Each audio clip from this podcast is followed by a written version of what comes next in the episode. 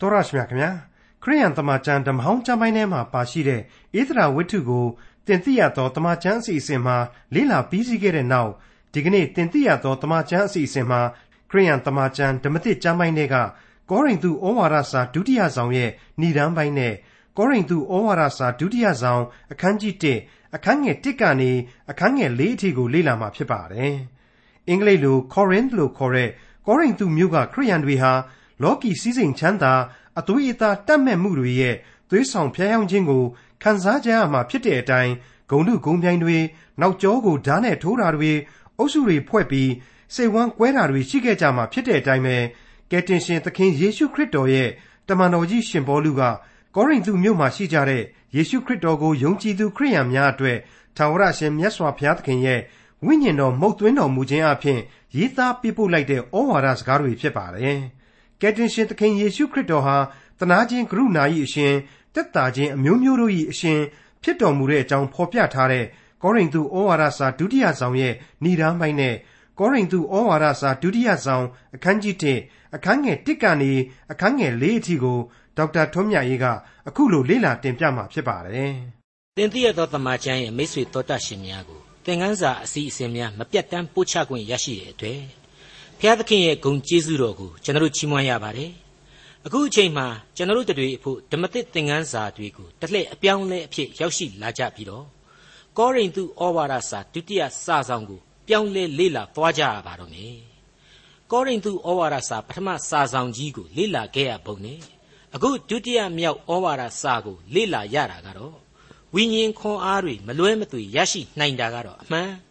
ဒါပေမဲ့တမန်တော်ကြီးရှင်ပေါလုရည်ညွှန်းရေးသားရာကောရိန္သုဆိုတဲ့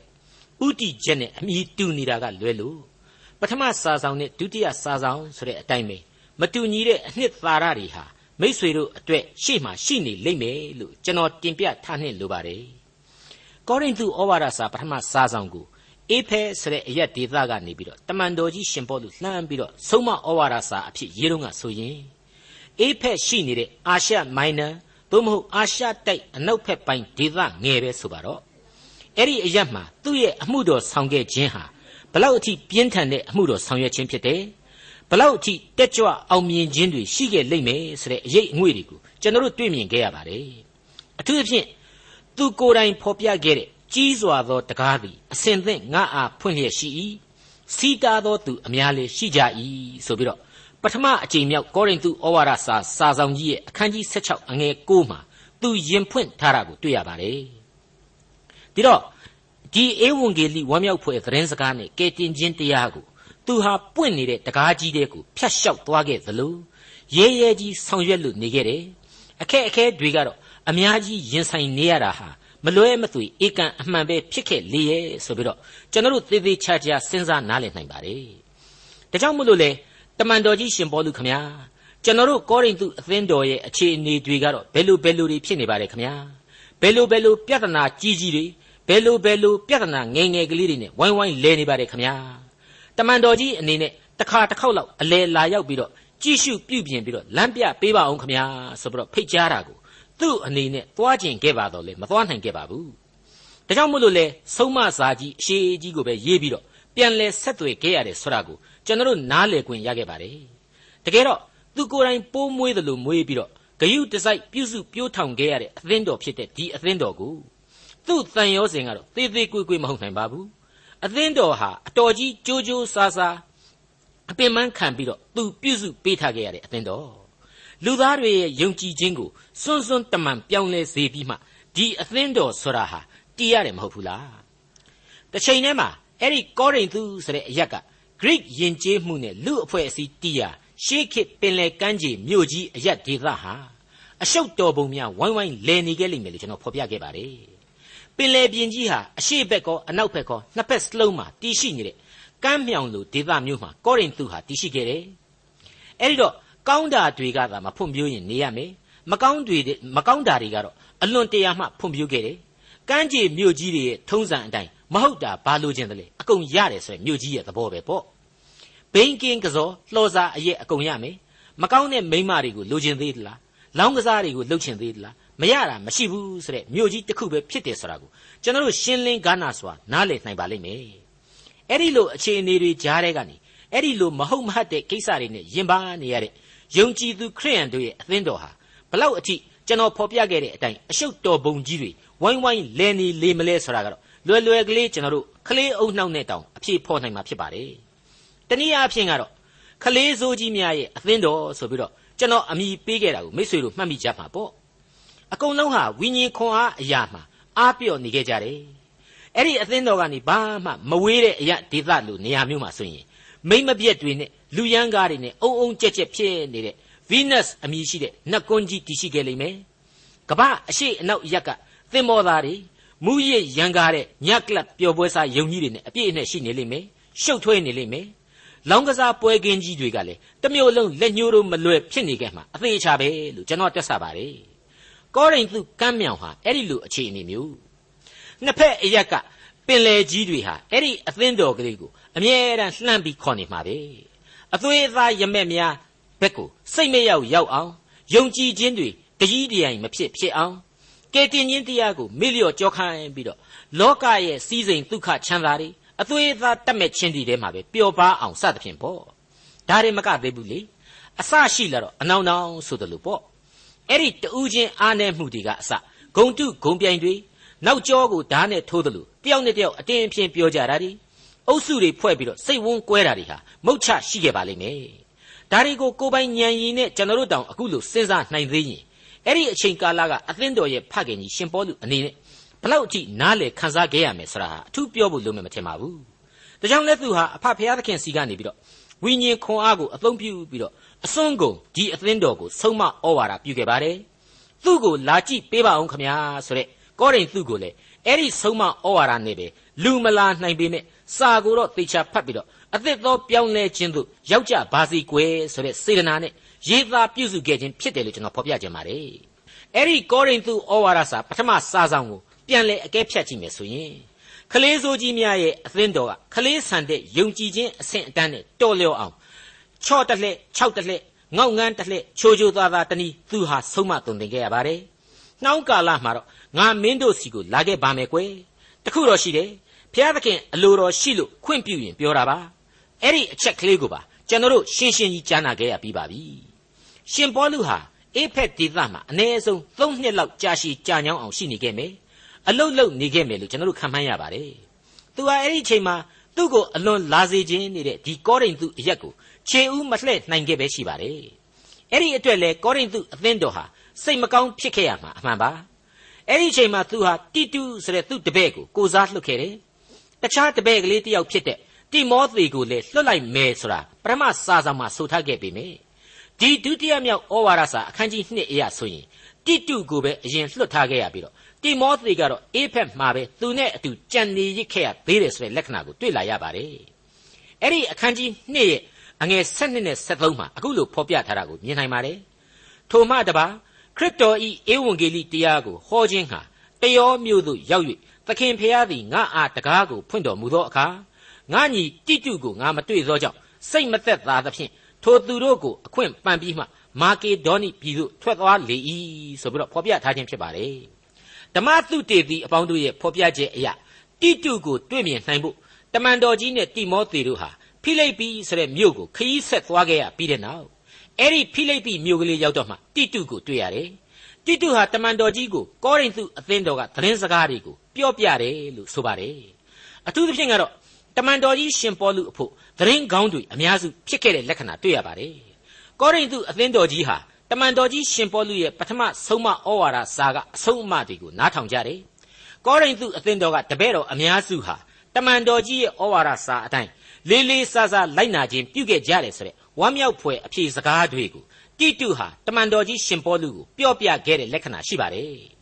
အဲ့ဒါနဲ့ပဲတမန်တော်ကြီးဟာအဲ့ဒီဖိလိပ္ပိမှာပဲဖိလိပ္ပိမြို့မှာပဲအခုဒုတိယအကြိမ်မြောက်ဩဝါဒစာကိုချက်ချင်းပြန်ပြီးတော့ရေးသားခဲ့တယ်လို့ဆိုပါတယ်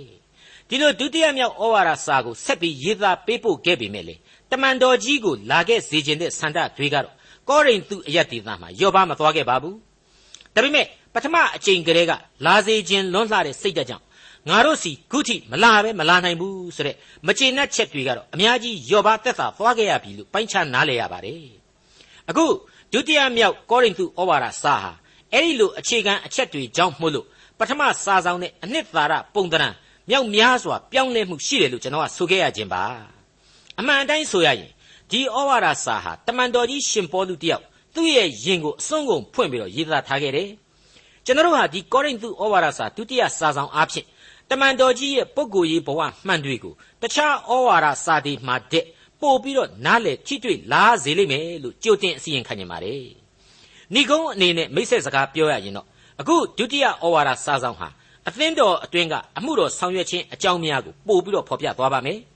ပထမစာဆောင်တုန်းကလို့လမ်းညွန်ပဲ့ပြင်ခြင်းတွေသိများများဆာဆာမပါဝင်တော့ပဲလျော့ပါသွားမယ်ဆိုတဲ့အချက်ပါမိษွေအပေါင်းတို့ခမညာ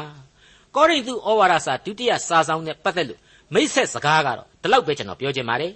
အခုကျွန်တော်တို့ဟာအခန်းကြီး1ကိုစတင်လေ့လာကြပါတော့မယ်အသက်တာတစ်ခုရဲ့ရည်ရွယ်ချက်များအပေါ်မှာဖျားသခင်ဤခွန်အားပေးခြင်းဆိုတာကိုဖော်ပြမယ်အခန်းကြီး1ကိုအခုလိုဖွင့်လှစ်လိုက်ကြပါစို့ကောရိန္သုဩဝါဒစာဒုတိယစာဆောင်အခန်းကြီး1အငယ်1ဖျားသခင်ဤအလိုတော်အားဖြင့်ယေရှုခရစ်ဤတမန်တော်ဖြစ်သောငါပေါလုနှင့်ငါညီတိမောသေသည် ကောရိန္သုမြို့၌ရှိသောဖျားသခင်အသင်းတော်မှစ၍အခါယပြည်အရရတို့၌ရှိသောတန်ရှင်းသူအပေါင်းတို့အားကြားလိုက်ပါ၏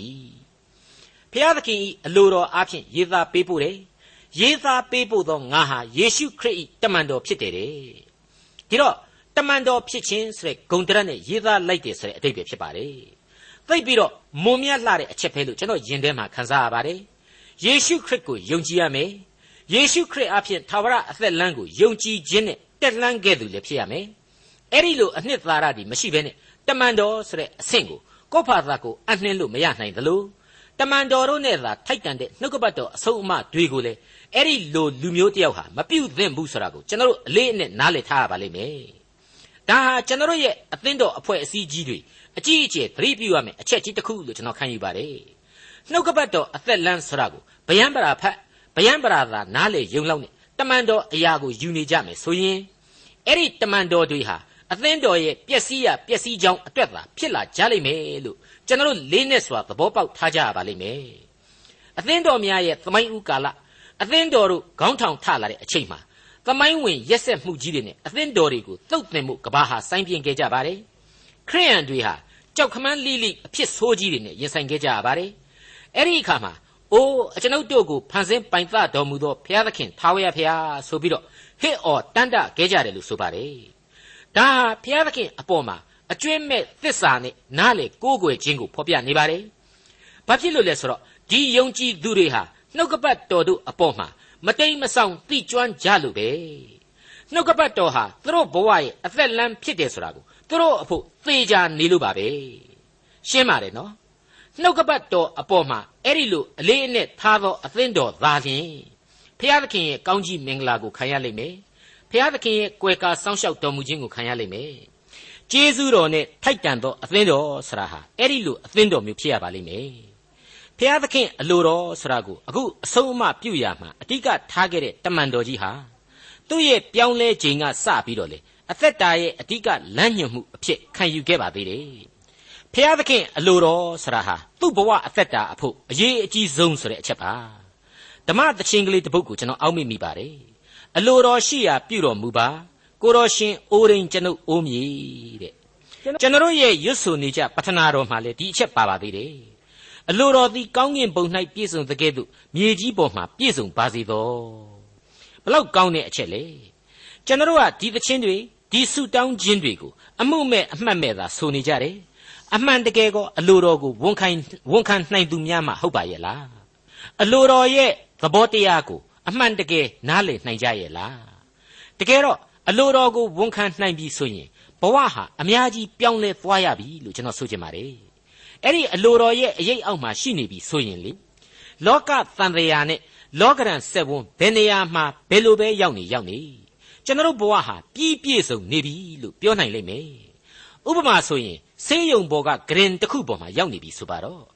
ဖျားသခင်အလိုတော်ဆိုတာကိုသိရင်အဲ့ဒီဂရင်ဟာကိုယ့်ရဲ့နေရာမှန်ပဲအဲ့ဒီအလိုတော်တွေထဲမှာတော့သာဝရအသက်သရဖူကိုရယူဖို့ဆိုတဲ့အလိုတော်ကိုသိနာလေရင်သေခြင်းဆိုတဲ့ကြောက်စရာအကောင်းဆုံးအချက်ကြီးအတွက်တောင်မှအလိုတော်ရဲ့ပြည့်စုံခြင်းအဖြစ်ခံယူကိုခံယူနိုင်ရမှာပါကျွန်တော်အသက်တာမှာဓမ္မဆရာကြီးတွေယုံကြည်သူမိခင်ဖခင်ကြီးတွေရဲ့နောက်ဆုံးနေ့များနဲ့ပတ်သက်တဲ့အတွေ့အကြုံတွေအများကြီးရှိပါတယ်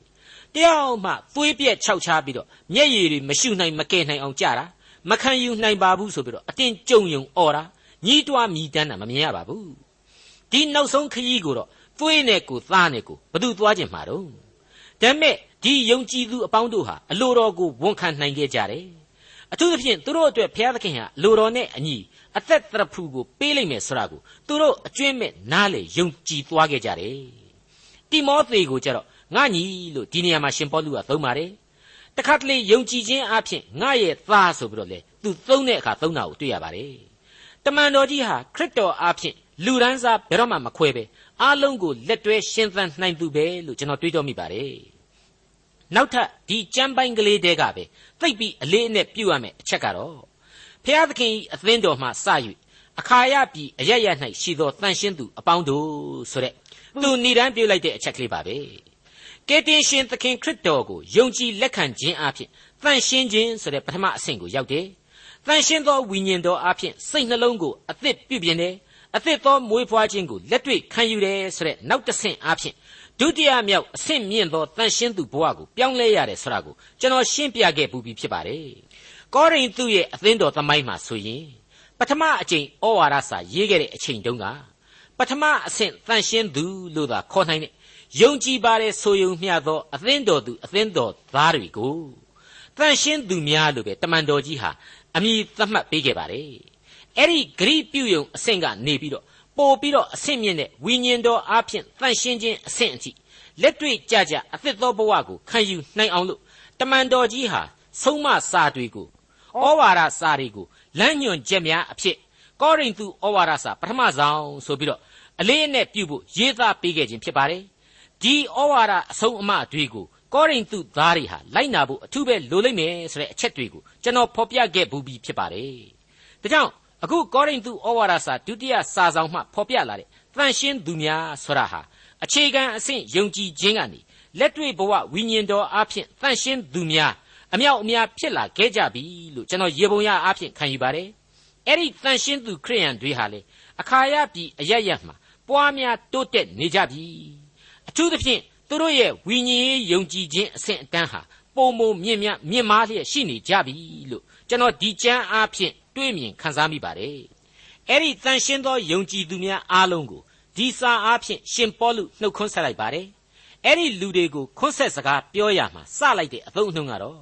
ဖျားသခင်ဤအသင်းတော်မှာစ၍ဆိုတဲ့ဝေါ်ဟာတာပါကျွန်တော်လူသားဟာ Anglican အသင်းတော်ဟာငါအသင်းတော်နှစ်ချင်းအသင်းတော်သို့မဟုတ် Methodist ဆိုတာမှငါရဲ့အသင်းတော်ဒါမှမဟုတ်ရင်လေ Roman Catholic ကမှငါရဲ့အသင်းတော်စသဖြင့်စသဖြင့်ငါအသင်းတော်ဆိုတာမျိုးအလွန်ပြောရကြပါလေတကယ်တကယ်တော့အသင်းတော်ကိုပိုင်သူဟာဘုရားသခင်ဆိုတာကိုကျွန်တော်မေ့ထားလို့မရနိုင်ဘူးဒီအသင်းတော်ကိုချစ်လွန်းလို့ခရစ်တော်ဟာအသွေးတော်နဲ့ရွေးချယ်ပြီးတော့ဝယ်ယူခဲ့တယ်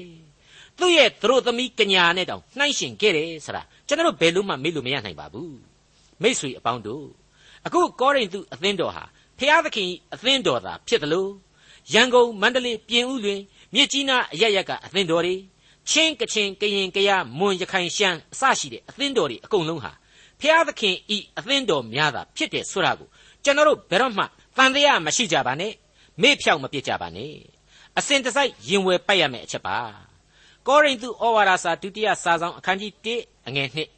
သခင်ယေရှုနှင့်ငါတို့အဖဒီဟုသောဘုရားသခင်အထံတော်ကကျေးဇူးတော်နှင့်ညီသက်ခြင်းသည်သင်တို့၌ရှိပါစေသောကျေးဇူးတော်နဲ့ညီသက်ခြင်းဆိုတာသခင်ခရစ်တော်စီကသာရတယ်ဖျားသခင်စီကနေသာရရှိနိုင်တယ်ဒါကြောင့်ဝိညာဉ်တော်အားဖြင့်တန်ရှင်းသောလူဘဝကိုရောက်ပြီဆိုတဲ့လူသားအဖို့အားလုံးဟာပြေဝစုံလင်သွားရပြီအငယ်၃တန်ရှင်းခြင်းဂယုဏဤအဖသက်သာခြင်းအမျိုးမျိုးတို့ဤအရှင်ဒီဟုသော ငါတို့သခင်ယေရှုခရစ်ဤခမည်းတော်ဖျားသခင်သည်မင်္ဂလာရှိတော်မူတည်းဒီအခန်းကြီး1ဟာဆိုရင်ဖျားသခင်ခွန်အားပေးခြင်းဆိုတာကိုဖော်ပြသွားမယ်ဆိုတာကိုကျွန်တော်စကားပလင်ခံခဲ့ပြီးပါပြီအသက်တာတစ်ခုဤရည်ရွယ်ချက်များသို့မဟုတ်စီမံကိန်းများအပေါ်မှာဖျားသခင်ဤခွန်အားပေးခြင်းအကြောင်းကိုဖော်ပြမယ်ကြံလို့ကျွန်တော်မိတ်ဆက်ပေးခဲ့ပြီးပါပြီအခုဆိုရင်အဲ့ဒီခွန်အားပေးခြင်းအကြောင်းကိုပြောလိုက်တာပဲလို့ဆိုရပါလိမ့်မယ် သနာခြင်းဂယုဏနှင့်ပြည့်စုံတဲ့အဖဖြစ်လို့သက်သာခြင်းအမျိုးမျိုးတို့၏အရှင်အဖြစ်ဖျားသခင်ကိုချီးမွမ်းလိုက်ခြင်းဖြစ်ပါတယ်မိษွေတော်တတ်ရှင်အပေါင်းတို့ခမညာကျွန်တော်ကလူသမိုင်းဟာအပြစ်သမိုင်းနဲ့စစ်သမိုင်းဖြစ်တယ်ဆိုတာကိုအကြိမ်ကြိမ်ပြောတတ်ပါတယ်လူသားမှန်ရင်လေလူသားဟာဘယ်သူမှအပြစ်နဲ့မကင်းနိုင်တဲ့လူတွေကြီးပဲဖြစ်လို့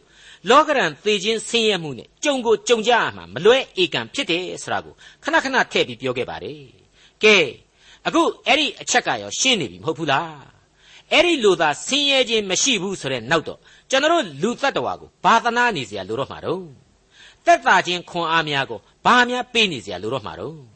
အခုတော့ဒုက္ခဝဲဩဃတွေကလူတ attva တည်မှုလို့အဲ့ဒီဂယုနာရှင်အဲ့ဒီကဲတင်ပိုင်သောသခင်ဆိုတာဟာလိုကိုလိုအပ်လာတယ်အဲ့ဒီလိုအပ်ချက်ဆိုတာတဲ့ကြီးမားတဲ့လိုအပ်ချက်ဆိုတာဟာလေ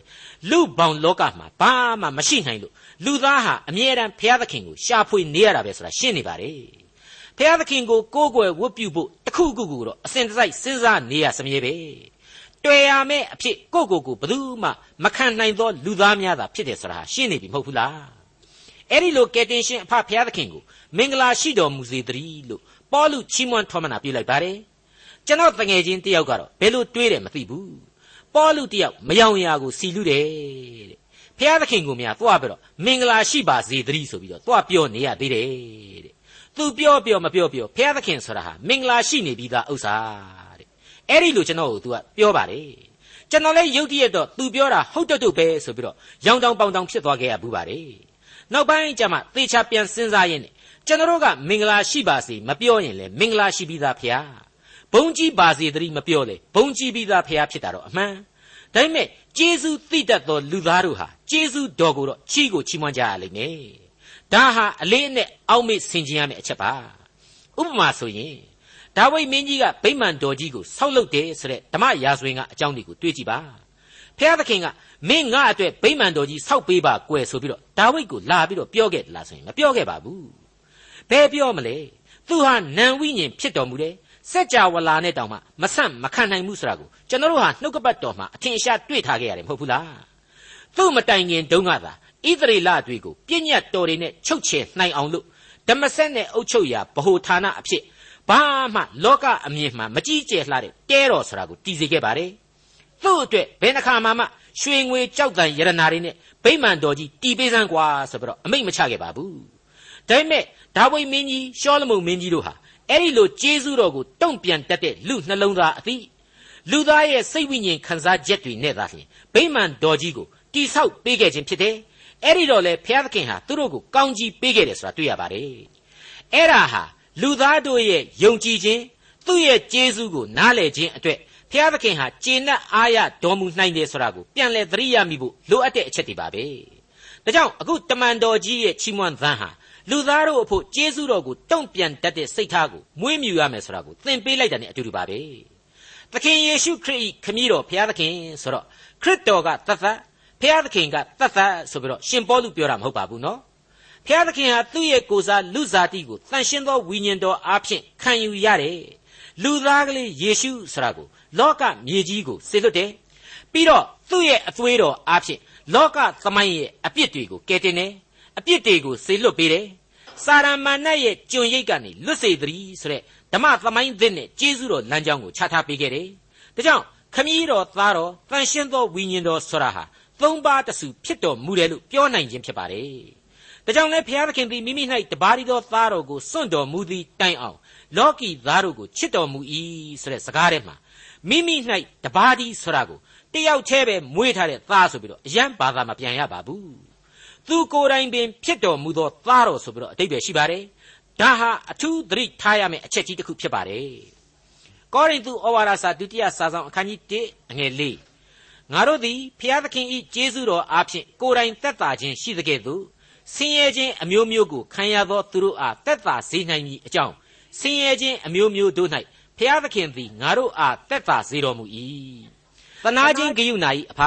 သက်သာခြင်းအမျိုးမျိုးတို့၏အရှင်တဲ့ရှင်ပေါလုအဲ့ဒီလိုဖော်ပြပါတယ်ဒီအရှင်ရဲ့ကျေးဇူးတရားဟာကျွန်တော်တို့ကိုယ်တိုင်ကိုသက်သာစေတယ်အဲ့ဒါဟာကျွန်တော်တို့အားဖြင့်ဆင်းရဲခြင်းဝေဒနာအမျိုးမျိုးကိုခံစားနေရတဲ့ပတ်ဝန်းကျင်လူသားတွေကိုသက်သာရာသက်သာကြောင်းထပ်ဆင့်ဝေမျှစေလိုတဲ့အတွက်ပဲတဲ့ကဲကြည်စမ်းကျွန်တော်အရင်ပြောခဲ့ဘူးတဲ့အတိုင်းပဲဖះရှိခိုးကြောင်းသွားတက်တယ်အိမ်လဲပြန်ရောက်ရောတောကဆင်းရဲတဲ့အမျိုးတွေငုတ်တုတ်ထိုင်နေတာတွေ့တာနဲ့ပဲ မင်းတို့ကောင်တွေပိုက်ဆံချေးမလို့နဲ့တူတယ်ဟုတ်လားဆိုပြီးတော့အိမ်မောကနှင်ချတာမျိုးမဖြစ်ရဘူးဆိုတာဖော်ပြနေပါပြီကျွန်တော်စပွဲရဲ့ရှေ့မှာ a living faith is a walking faith ဆိုပြီးရေးထားတဲ့ဆိုင်းဘုတ်ကလေးကိုတွေ့ရပါတယ်ကိုကနေတဆင့်ယုံကြည်ခြင်းတရားဟာအလုတ်လုတ်နေစေရမယ်ဆိုတဲ့အဆုံးအမပါပဲအခုတမန်တော်ကြီးဖော်ပြတာနဲ့ကွက်တိဖြစ်ပါတယ်ဖျားသခင်ဟာကိုယ့်ကိုသနာခြင်းဂရုဏာတော်ရှိတယ်သက်သာခြင်းကျေးဇူးအမျိုးမျိုးကိုပေးတယ် ကိုဟာဒီကျေးဇူးတော်ကိုအခြားလိုအပ်နေတဲ့လူသားတွေကိုထပ်ဆင့်ဝေမျှပေးကိုပေးကြရပါလိမ့်မယ်ဒီနေရာမှာကယ်တင်ရှင်ကိုတော်တိုင်ကငါသည်သင်တို့ကိုမိဘမဲ့ဖြစ်စေခြင်းဟာစွန့်ပစ်မည်မဟုတ်သင်တို့စီတို့လာဦးမည်ခဏကြာပြီးမှလောကီသားတို့သည်ငါ့ကိုမမြင်ရကြသင်တို့မူကားမြင်ရကြလိမ့်မည်ငါသည်အသက်ရှင်သောကြောင့်သင်တို့သည်လည်းအသက်ရှင်ရကြလိမ့်မည်ဆိုပြီးပြောခဲ့တဲ့ရှင်ယောဟန်ခရစ်ဝင်ကျမ်းအခန်းကြီး14 အငယ်16နဲ့19ကိုကျွန်တော်ပြန်လှန်ဆင်ခြင်အောင်မေးမိဖို့လိုပါတယ်မိษွေအပေါင်းတို့ရေဒီသနာချင်းဂယုဏတော်ဆိုတာဟာအလွန်တရာအံ့ဩဖို့ကောင်းတဲ့ဝေါ်ဟာရဖြစ်တယ်လို့ဖျားသခင်ပေးစွန်းနိုင်တဲ့သက်သာခြင်းဆရာဟာလေဘယ်လိုပုံစံမျိုးရှိသလဲလို့အတိအကျဖော်ပြဖို့ရန်အလွန်တရာမှခက်ခဲလာပါတယ်ပေါလုရဲလို့ပြောင်းလဲလာသူမဖြစ်ခင်ကလူသက်ကောင်လူရန်ကားကြီးဘဝရှောလူနဲ့သူ့အဖွဲ့တွေကဝိုင်းပြီးခဲတွေနဲ့ပေါက်လို့ သွေးတွေတန်တွေကြပြီးတော့သေလူမျောပါဖြစ်နေခဲ့သူတထေဖန်ဆိုတဲ့လူငယ်ကလေးဟာအဲ့ဒီလောက်ကြောက်မဲ့ဖွယ်သေခြင်းတရားကြီးရဲ့ကြားထဲကနေပြီးတော့အိုးသခင်ယေရှုအကျွန်ုပ်ဤဝိညာဉ်ကိုသိမ်းယူတော်မူပါဤသူတို့၏အပြစ်ကိုမှတ်တော်မမူပါနှင့်ဆိုပြီးတော့ကြွေးကြော်ခဲ့တယ်ဆိုတာကိုတမန်တော်ဝတ္ထုအခန်းကြီး9ရဲ့ဏိဂုံးနာမှာကျွန်တော်အထင်အရှားတွေ့ခဲ့ရပါတယ်တထေပန်တယောက်ကသာအဲ့ဒီလိုဘုရားသခင်ရဲ့ဂရုနာတော်နဲ့တနာခြင်းကိုခန်းစားထိတွေ့ခဲ့ရတယ် ရှောလူခန်းစားထိတွေ့ခဲ့ရပါသလားမခန်းစားမထိတွေ့ရပါဘူးတထေပန်ရဲ့နှလုံးသားကမြင်ရတဲ့ခရစ်တော်ကိုရှောလူမမြင်နိုင်ခဲ့ပါဘူးဒါပေမဲ့ရှောလူဆိုတာဟာပညာရဉာဏ်ရှိတယ်အမှန်တရားကိုရှာဖွေခြင်းတဲ့စိတ်ဓာတ်နဲ့တော့ဒီတထေဖန်ဆိုတဲ့ကောင်သေကန်ဒီဘာဖြစ်လို့သေခြင်းကိုမကြောက်ရတာလဲဒီလောက်အထိမေတ္တာဓာတ်ကြီးမားပြီးတော့ငါတို့တတ်တဲ့လူတွေအပြစ်ကိုတောင်မှခွင့်လွတ်နေနိုင်ရတယ်လေဆိုပြီးတော့စတင်စိတ်လှုပ်ရှားခဲ့ရမှာအမှန်ပဲဆိုတာကိုကျွန်တော်ဖော်ပြခဲ့ပါတယ်အခုအချိန်မှာတော့ ဒီသစ္စာတရားကို ရှာဖွေခဲ့သူကြီးဟာသနာချင်းဂယုဏသက်သာခြင်းစုကျေးဇူးတော်တို့ရဲ့သဘောတရားအမှန်ကိုသိခဲ့ရလို့မဟာပြောင်းလဲခြင်းနဲ့ပြောင်းလဲခဲ့ရတဲ့ဘဝသစ်လူသားကြီးဖြစ်ခဲ့ပါပြီဒီဘဝသစ်လူသားကြီးဟာဘဝနဲ့ရှင်ပြီးတော့ရယူခံစားရတဲ့အဲ့ဒီကျေးဇူးတော်ကိုအလွန်ပြင်းထန်တဲ့ဆန္ဒများနဲ့ကျွန်တော်တို့ကိုဝေမျှလျက်ရှိနေပါတယ်ခင်ဗျာဒေါက်တာထွန်းမြတ်ရေးစီစဉ်တင်ဆက်တဲ့တင်ပြတော်တမချန်းအစီအစဉ်ဖြစ်ပါတယ်နောက်တစ်ချိန်အစီအစဉ်မှာ ခရိယန်တမချန်းဓမ္မသစ်ကျမ်းပိုင်းတွေကကောရိန္သုဩဝါဒစာဒုတိယဆောင်အခန်းကြီး1အခန်းငယ်9ကနေအခန်းငယ်24အထိကိုလေ့လာမှာဖြစ်တဲ့အတွက်စောင့်မျှော်နားဆင်နိုင်ပါတယ်။